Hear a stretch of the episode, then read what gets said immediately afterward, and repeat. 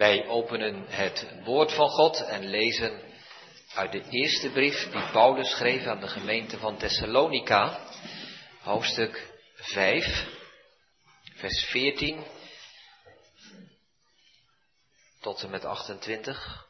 In Thessalonicensen 5, vers 14 tot en met 28.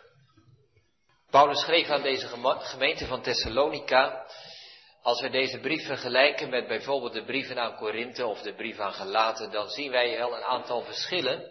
Waarschijnlijk was deze gemeente op het moment dat zij de brief kregen nog een hele jonge gemeente. Stonden nog maar aan het begin. Tegelijkertijd was het een gemeente die, zover wij dat uit die brief kunnen opmaken, geen ernstige misstanden hadden. Als je kijkt naar de gemeente in Galatië, daar waren de gedachten over geloof en rechtvaardiging volkomen misplaatst. Allerlei misvattingen en Paulus moest daar ernstig tegen waarschuwen.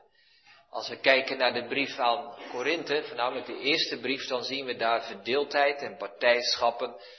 En hij zegt, er is vleeselijk, ongeestelijke verdeeldheid onder jullie. Geen van beide thema's komen in deze brief aan de Thessalonicensen voor. Blijkbaar waren die dingen goed. En dan aan het einde van de brief geeft Paulus nog wel een aantal raadgevingen. En die zullen we dan ook lezen. Het is als het ware een staccato opsomming van korte, krachtige basiswaarheden uit het christelijke geloof. Hij werkt dat niet uitvoerig uit, maar hij geeft ze weer, hij somt ze op en hij wijst deze jonge, prille gemeente erop dat ze daarbij zullen moeten blijven. Wij lezen vers 14 tot en met 28 en de tekst zal dan vers 19 zijn. Wij bidden u, broeders, vermaand de ongeregelden, vertroost de kleinmoedigen, ondersteunt de zwakken, wees langmoedig jegens allen. Zie dat niemand kwaad voor kwaad iemand vergelden, maar jaagt alle tijd het goede na, zo jegens elkaar als jegens allen. Verblijd u alle tijd. Bid zonder ophouden. Dankt God in alles, want dit is de wil van God in Christus Jezus over u. Blus de geest niet uit. Veracht de profetieën niet. Beproeft alle dingen, behoud het goede. Onthoud u van alle schijn des kwaads. En de God des vredes zelf heilige u geheel en al. En uw geheel oprechte geest en ziel en lichaam worden onberispelijk bewaard in de toekomst van onze Heere Jezus Christus. Hij die u roept is getrouw, die het ook doen zal. Broeders, bid voor ons. Groet al de broeders met een heilige kus. Ik bezweer u bij de Heere dat deze zendbrief al de heilige broederen gelezen worden. De genade van onze Heere Jezus Christus zij met u. Amen. Tot zover onze schriftlezing en zoals gezegd vers 19 is de tekst voor de prediking. Wij lezen daar in Thessalonicense 5 vers 19. Blus de geest niet uit. Blus de geest niet uit. Wij schrijven boven de preek het vuur van de geest. Het vuur van de geest. Drie gedachten. De werking. Ten tweede de tegenwerking. En ten derde de doorwerking. Blus de geest niet uit. Een korte, krachtige raadgeving en aansporing die Paulus aan de gemeente geeft. Hij vergelijkt het. Hij vergelijkt de Heilige Geest met vuur. En vuur kan worden uitgeblust. Dus we schrijven boven de preek het vuur van de geest. En wij horen naar de oproep, blus de geest niet uit. Ten eerste die werking van die geest.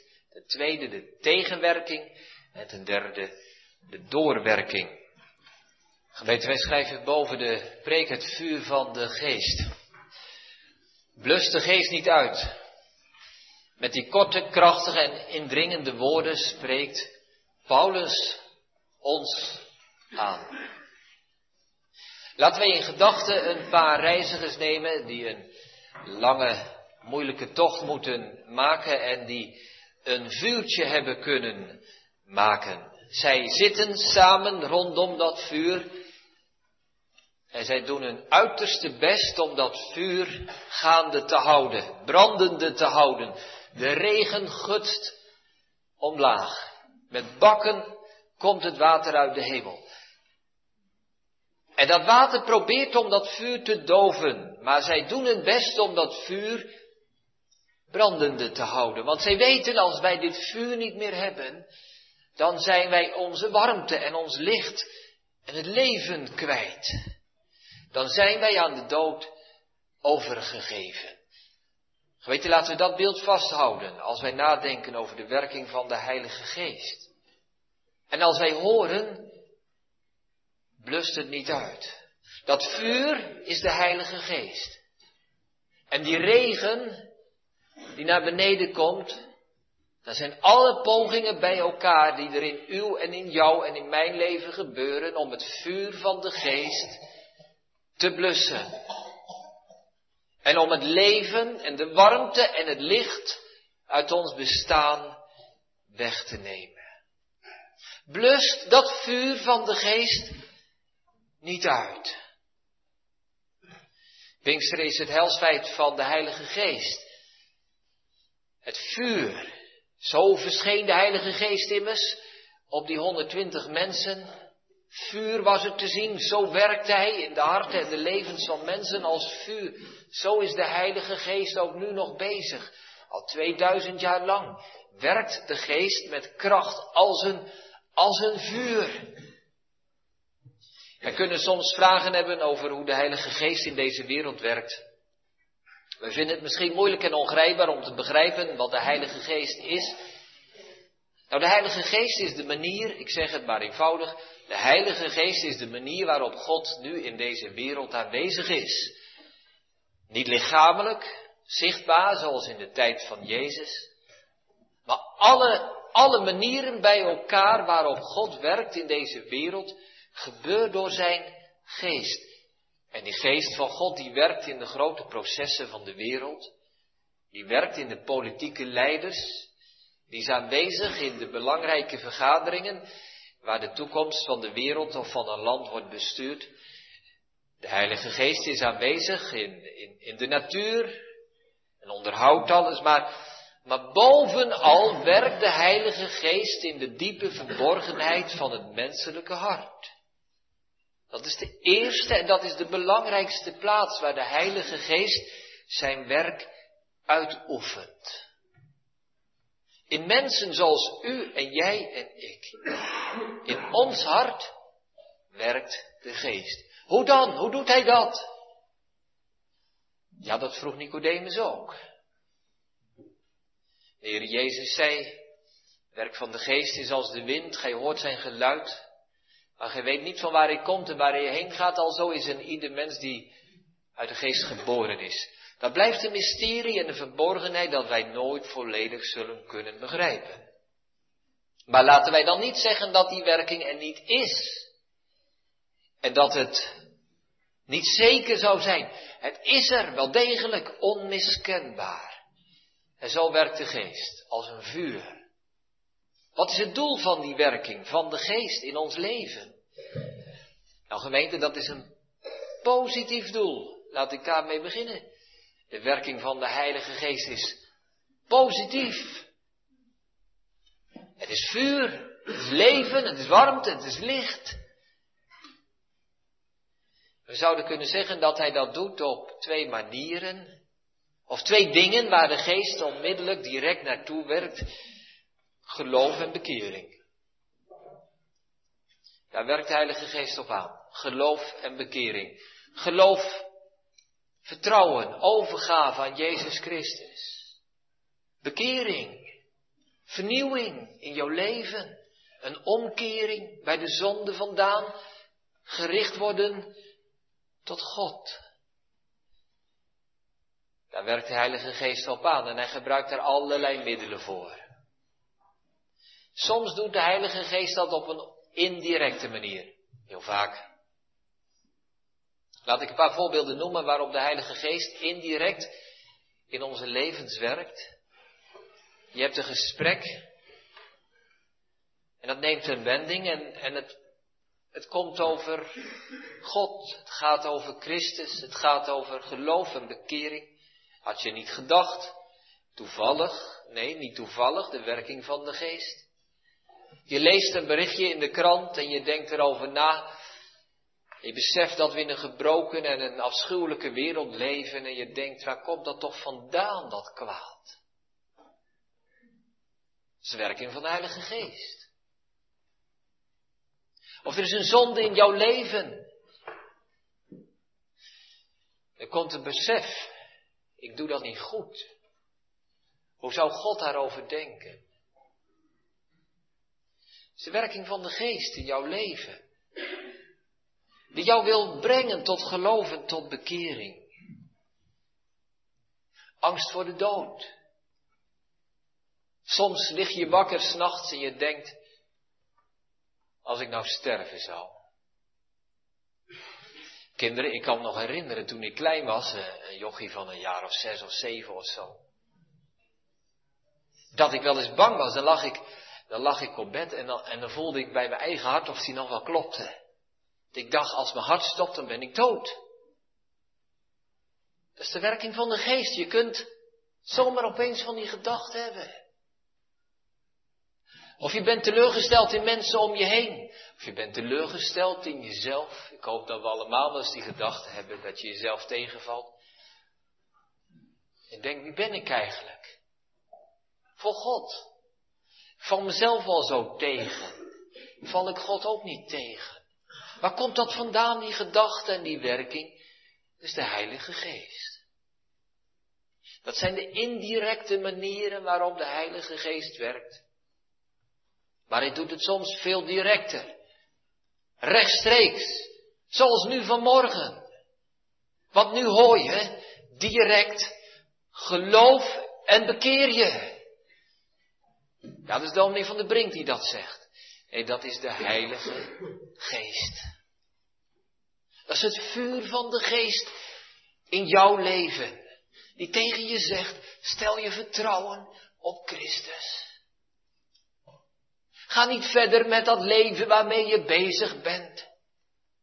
Maar zorg dat er vernieuwing komt en verandering en bekering. Breek met het onvolkomen en zondige en teleurstellende bestaan waar je in vastzit. De werking van de geest.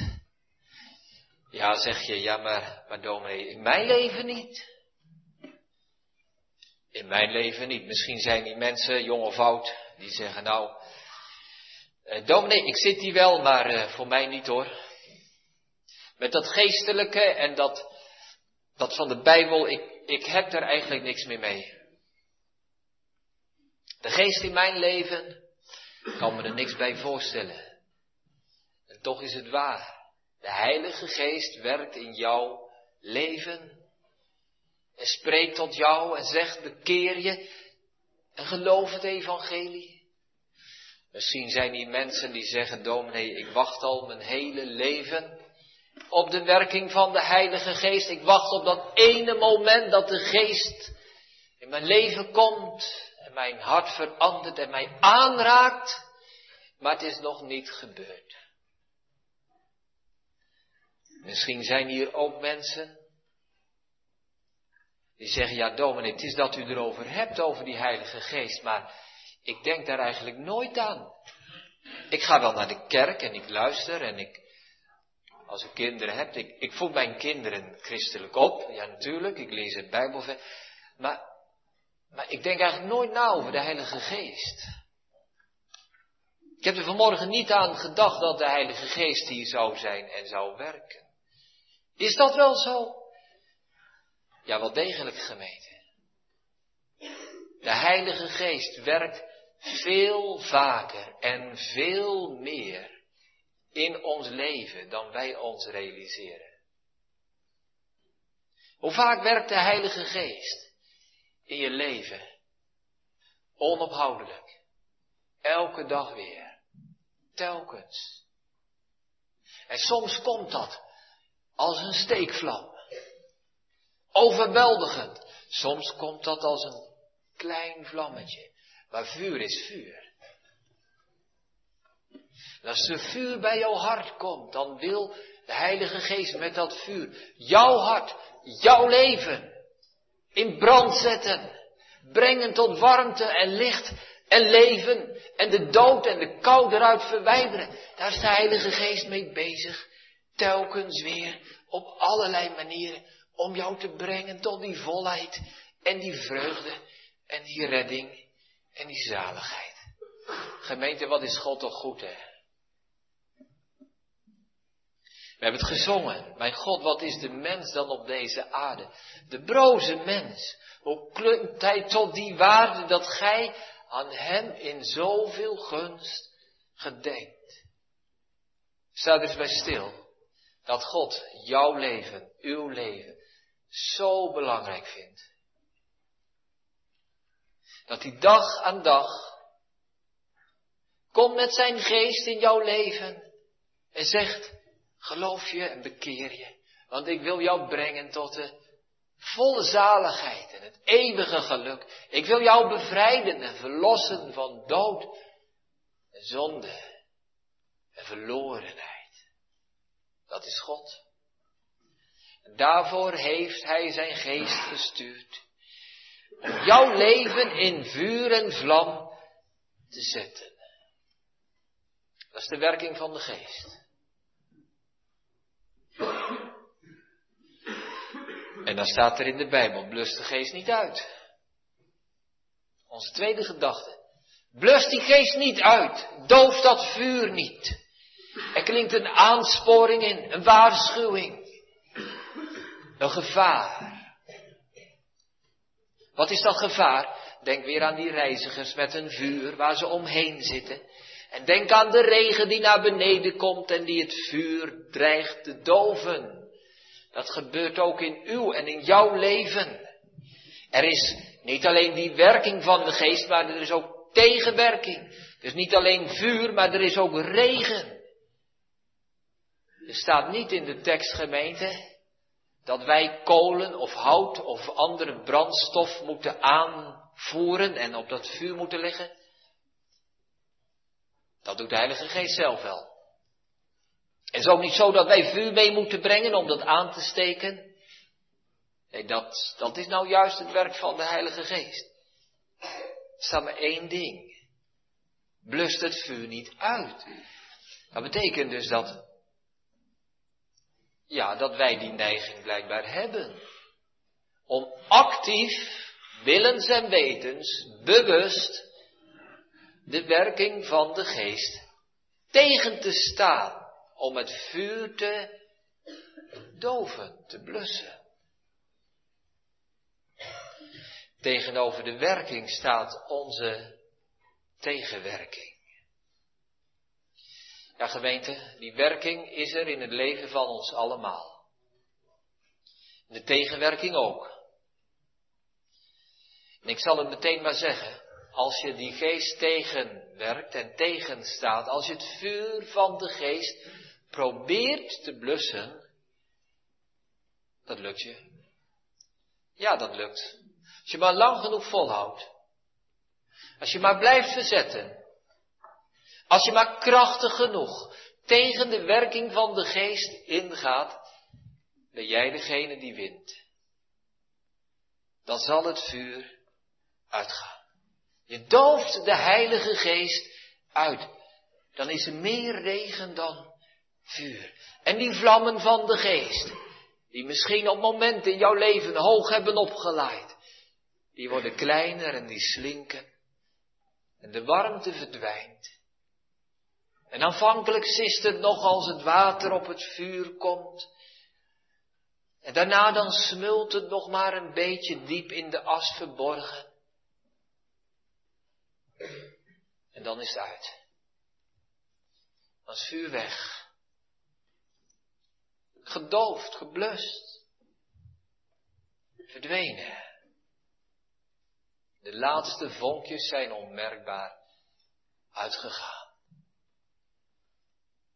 En dan gemeente, wat gebeurt er dan? Ja, dan wordt het koud van binnen. Dan wordt het stil.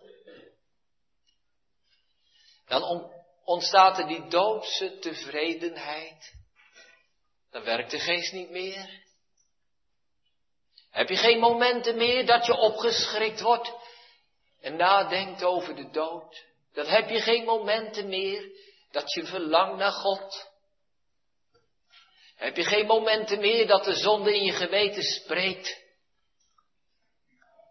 Heb je geen gedachten meer aan het komende oordeel. Heb je geen preken meer die je raken en je leven opschudden. Nee, alles gaat zo zijn gangetje. Het is allemaal goed, maar dood. De geest is weg. En je hoop op zaligheid en je verlangen naar geluk is een stille, geruisloze dood gestorven. Er staat in Genesis 6 dat God zegt, mijn geest zal niet eeuwig twisten. Niet altijd. God houdt ermee op.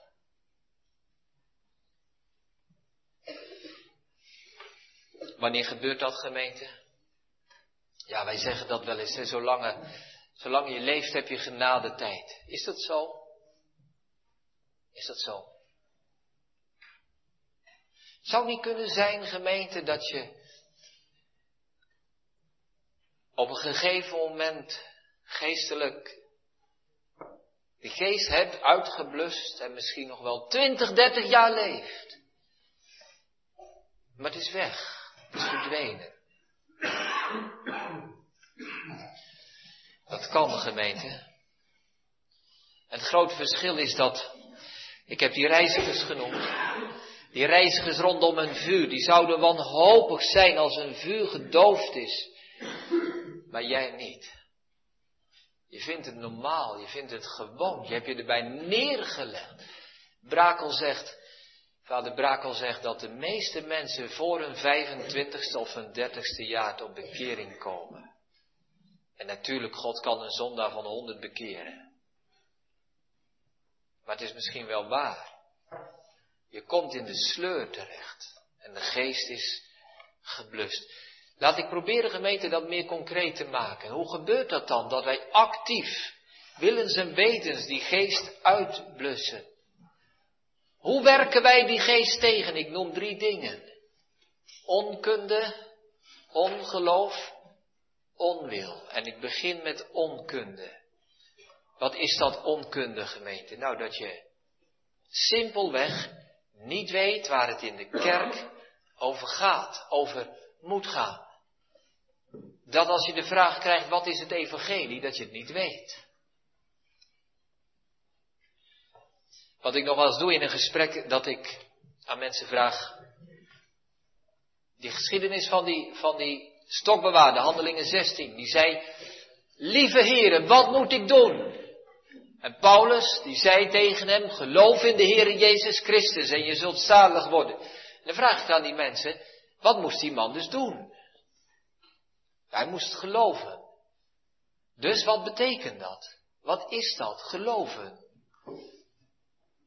Weet u het? Weet jij het?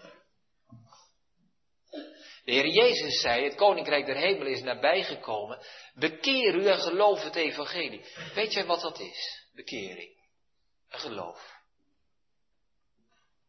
Of, of gaat het daar al mis dat wij zo onkundig en onwetend zijn dat we dat al niet weten. Hoe komt dat, gemeente? Nou, ik zal u het zeggen, meestal is het simpelweg geestelijke luiheid. Weiger om te luisteren, weiger om het woord te onderzoeken. Het staat zo duidelijk in de schrift wat geloof inhoudt en wat bekering is. Hoe lang zit je in de kerk? Hoeveel preken heb je al gehoord? Weet je het nog niet? Onkundig? Je blust de geest uit. Je werkt de geest tegen. En is er iemand in je familie of in je vriendenkring die een gesprekje met je begint over geestelijke dingen. Of die straks wil napraten over de preek. Maar je weet met een goede bocht eromheen te praten en je stuurt het naar een ander onderwerp. Nee, liever niet. Daar wil ik niet bij stilstaan. Onkunde. Je blust de geest uit. Het komt zo vaak voor, veel vaker, dan we ons misschien realiseren. Gebrek, simpelweg gebrek aan belangstelling. Het tweede gemeente is Ongeloof. Nee, laat ik nog één ding zeggen over onkunde. Wij zijn er ook vaak onkundig van dat de Heilige Geest zo vaak werkt. Ik heb dat net gezegd en ik herhaal het. Wij gaan naar de kerk zonder dat wij weten en ons realiseren dat dat, zo noemen we dat toch, de werkplaats van de Heilige Geest is. Wij realiseren ons dat niet. Onkundig. En we leven maar door over al die gebeurtenissen, groot of klein, die ons stil willen zetten en die ons op God willen richten. Al die momenten dat je op een of andere manier de boodschap van de geest hoort, geloof en bekeer je. Het is de geest. En wij denken, ach, het was een toevallige ontmoeting. Ach, het was een gedachte die naar boven kwam en die ik weer heb weer neergedrukt. Het is de geest. Onkunde. De tweede gemeente ongeloof. Ongeloof is als het ware een stap verder. Je weet wel waar het over gaat in de Bijbel. Je weet wat geloof is en je weet wat bekering is. Je kunt aan je buurman of je collega het evangelie van Jezus Christus samenvatten, uitleggen en verklaren. Je weet het. Maar je gelooft het zelf niet. Je komt niet tot die overgave en dat vertrouwen. Je hebt al duizend en één keer gezegd, ja, maar. Ja, maar. De Heilige Geest werkt in je hart en zegt, geloof in de Heer Jezus. Vertrouw je aan Hem toe. Wie is er meer je vertrouwen waar dan de zaligmaker? Wie is er meer betrouwbaar dan Jezus Christus? Ja, maar ongeloof. We zijn zo gehecht aan onze eigen twijfel. En we zitten zo vast aan ons wantrouwen. En we hebben zoveel liefde voor ons eigen ongeloof. En we storten met bakken het ongeloof over het vuur van de geest. Actief bezig om ongelovig te blijven. Waarom gemeente? Waarom? Het derde is de onwil. Onwil. Je hebt de kennis. Je verstaat het evangelie. Je weet wat geloof is. Maar je hoort ook over bekering. En bekering betekent dat je leven vernieuwd wordt, anders wordt. Dat je je afwendt van de zonde en dat je je toewendt naar God. Bekering is verdriet over je vroegere zonde. En voor de toekomst het voornemen niet meer te zondigen. Je weet het wel, maar je wilt niet. Je beseft het wel dat je leven anders moet, maar je wilt niet. Je weet heel goed dat je moet breken met bepaalde zonden, maar je wilt niet. Je weet het, als je doorgaat op deze weg is het eeuwig verloren. Maar je wilt niet omkeren. Simpelweg onwil. Ook dat komt zo vaak voor. Hoe kon dat gemeente? Nou, omdat we wel weten, als ik nou toegeef aan die werking van de geest, als ik dat gesprekje nu wel aanga, als ik dat besef van mijn zonde eerlijk onder ogen zie in plaats van wegduw. Je weet het, dan gaat je leven veranderen. Als ik toegeef voor God en mijn naaste dat ik zondig ben, dan kan ik niet meer blijven die ik ben. Als ik eerlijk word naar mijzelf, gaat mijn zelfbeeld veranderen. Ja, natuurlijk. Als ik mij bekeer, wordt mijn huwelijk anders. Mijn relatie tot mijn vrienden, tot mijn collega's. Ik kom anders in de wereld te staan. En je ziet dat angstbeeld al voor je van een angstig, somber christelijk leven en je moet er niet aan denken. Je wilt niet. Je weet wel dat het niet kan, maar je gaat door. En je blust de geest actief willens en wetens uit. De geest werkt, ja wel degelijk. Maar je wilt het niet. En de geest zegt bekeer je, maar je zegt ik blijf liever onbekeerd.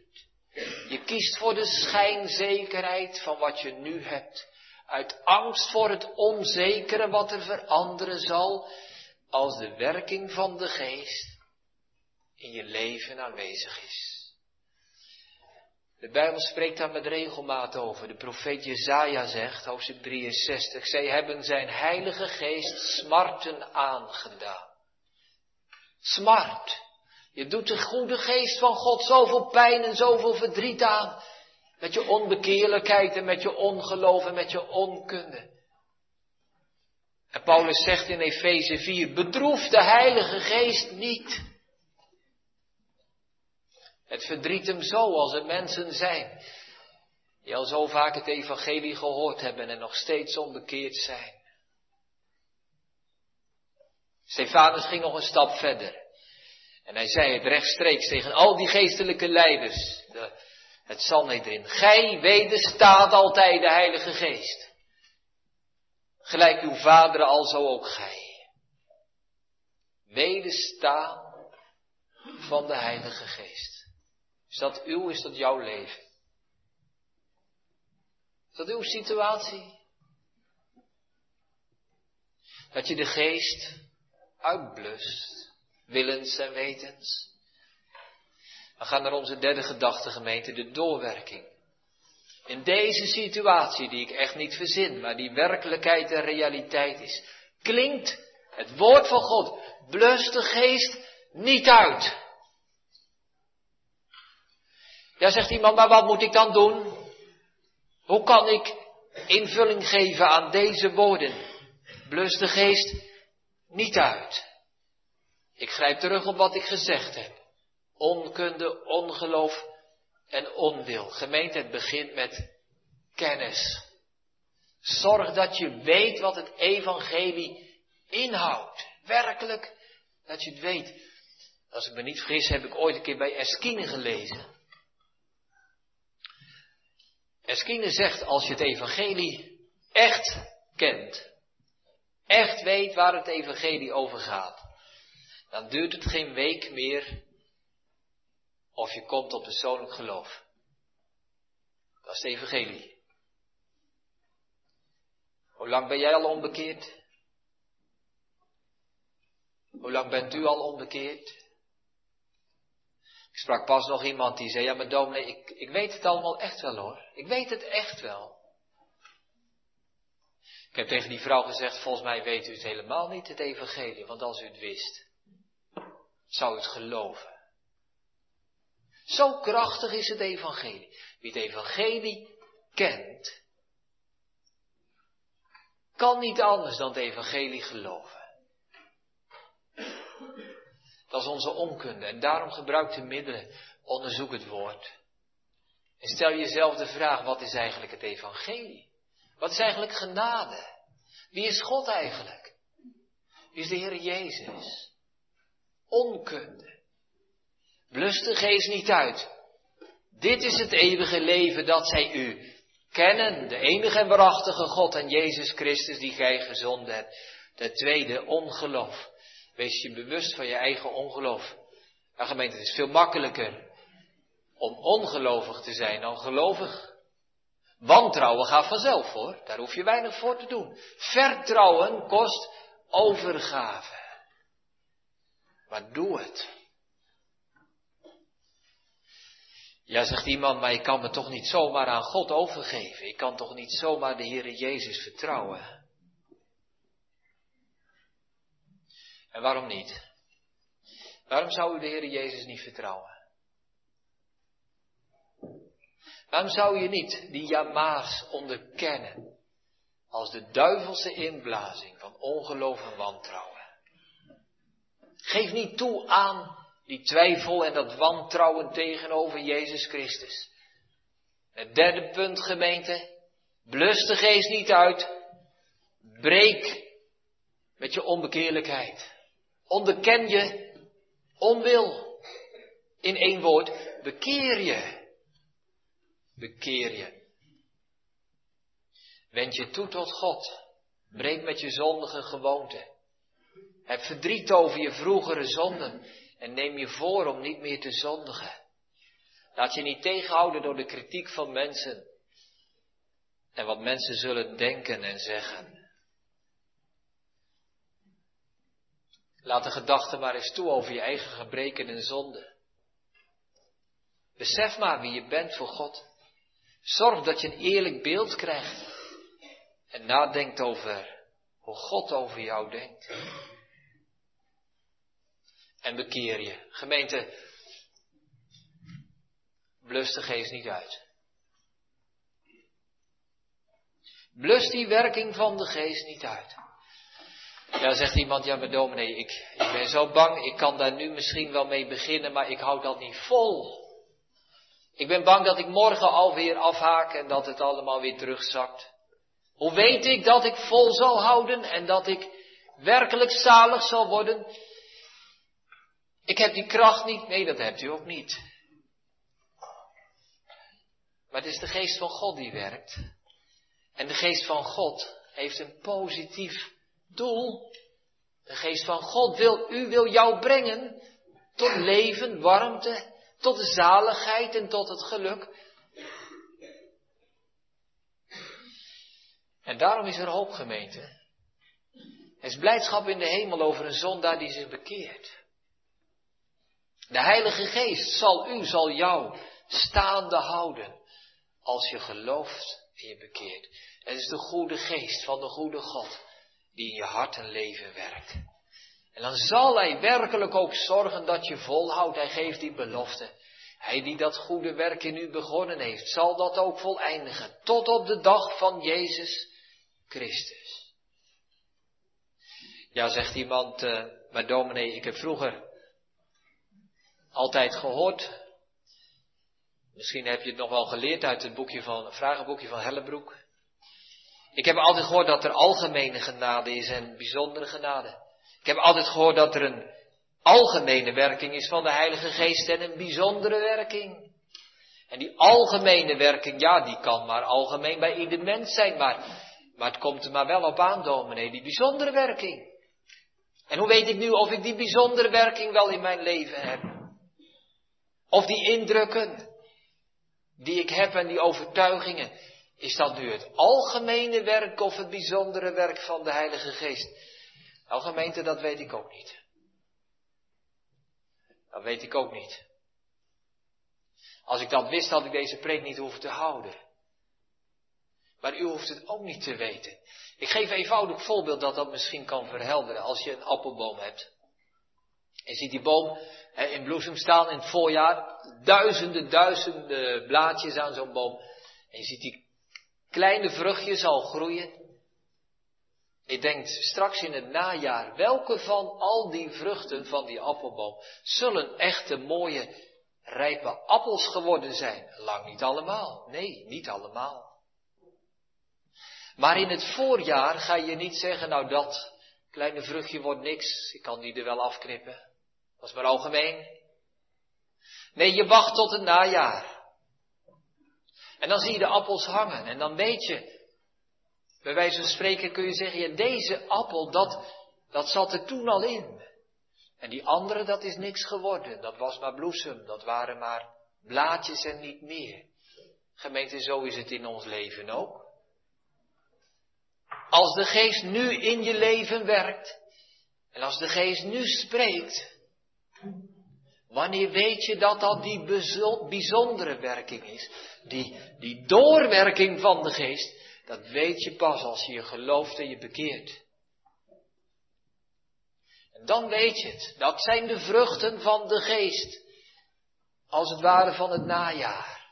En dan mag je zeggen, ja, het zat er toen al in. Toen was die werking. En dan kijk je terug op je leven. En dan verbaas je je over de werking van de geest. Hoe hij alle dingen heeft geleid en samengevoegd. En gebracht heeft tot de plaats waar je nu bent. En dat je gekomen bent tot geloof en tot bekering. Dat is de bijzondere werking van de Heilige Geest. En dan pas weet je dat, als je gelooft en je bekeert. Maar zolang je dat niet doet, gemeente, heb je aan dat onderscheid helemaal niets. Dan is er maar één woord en één waarschuwing voor u en voor jou. Blus de geest niet uit.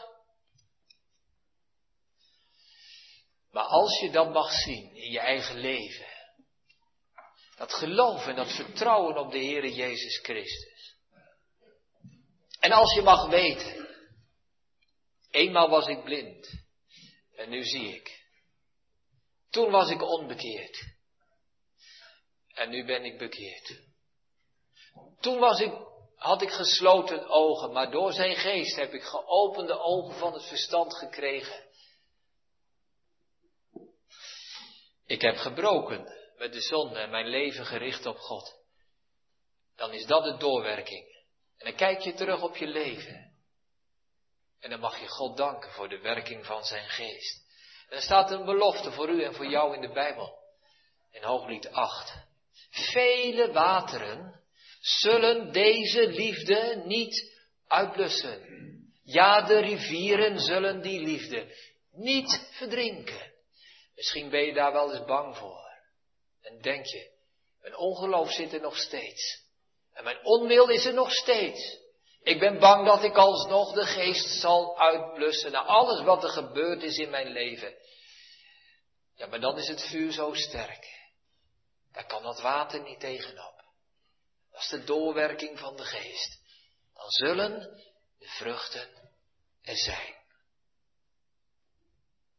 Gemeente, we gaan afronden. Wanneer werkt de geest?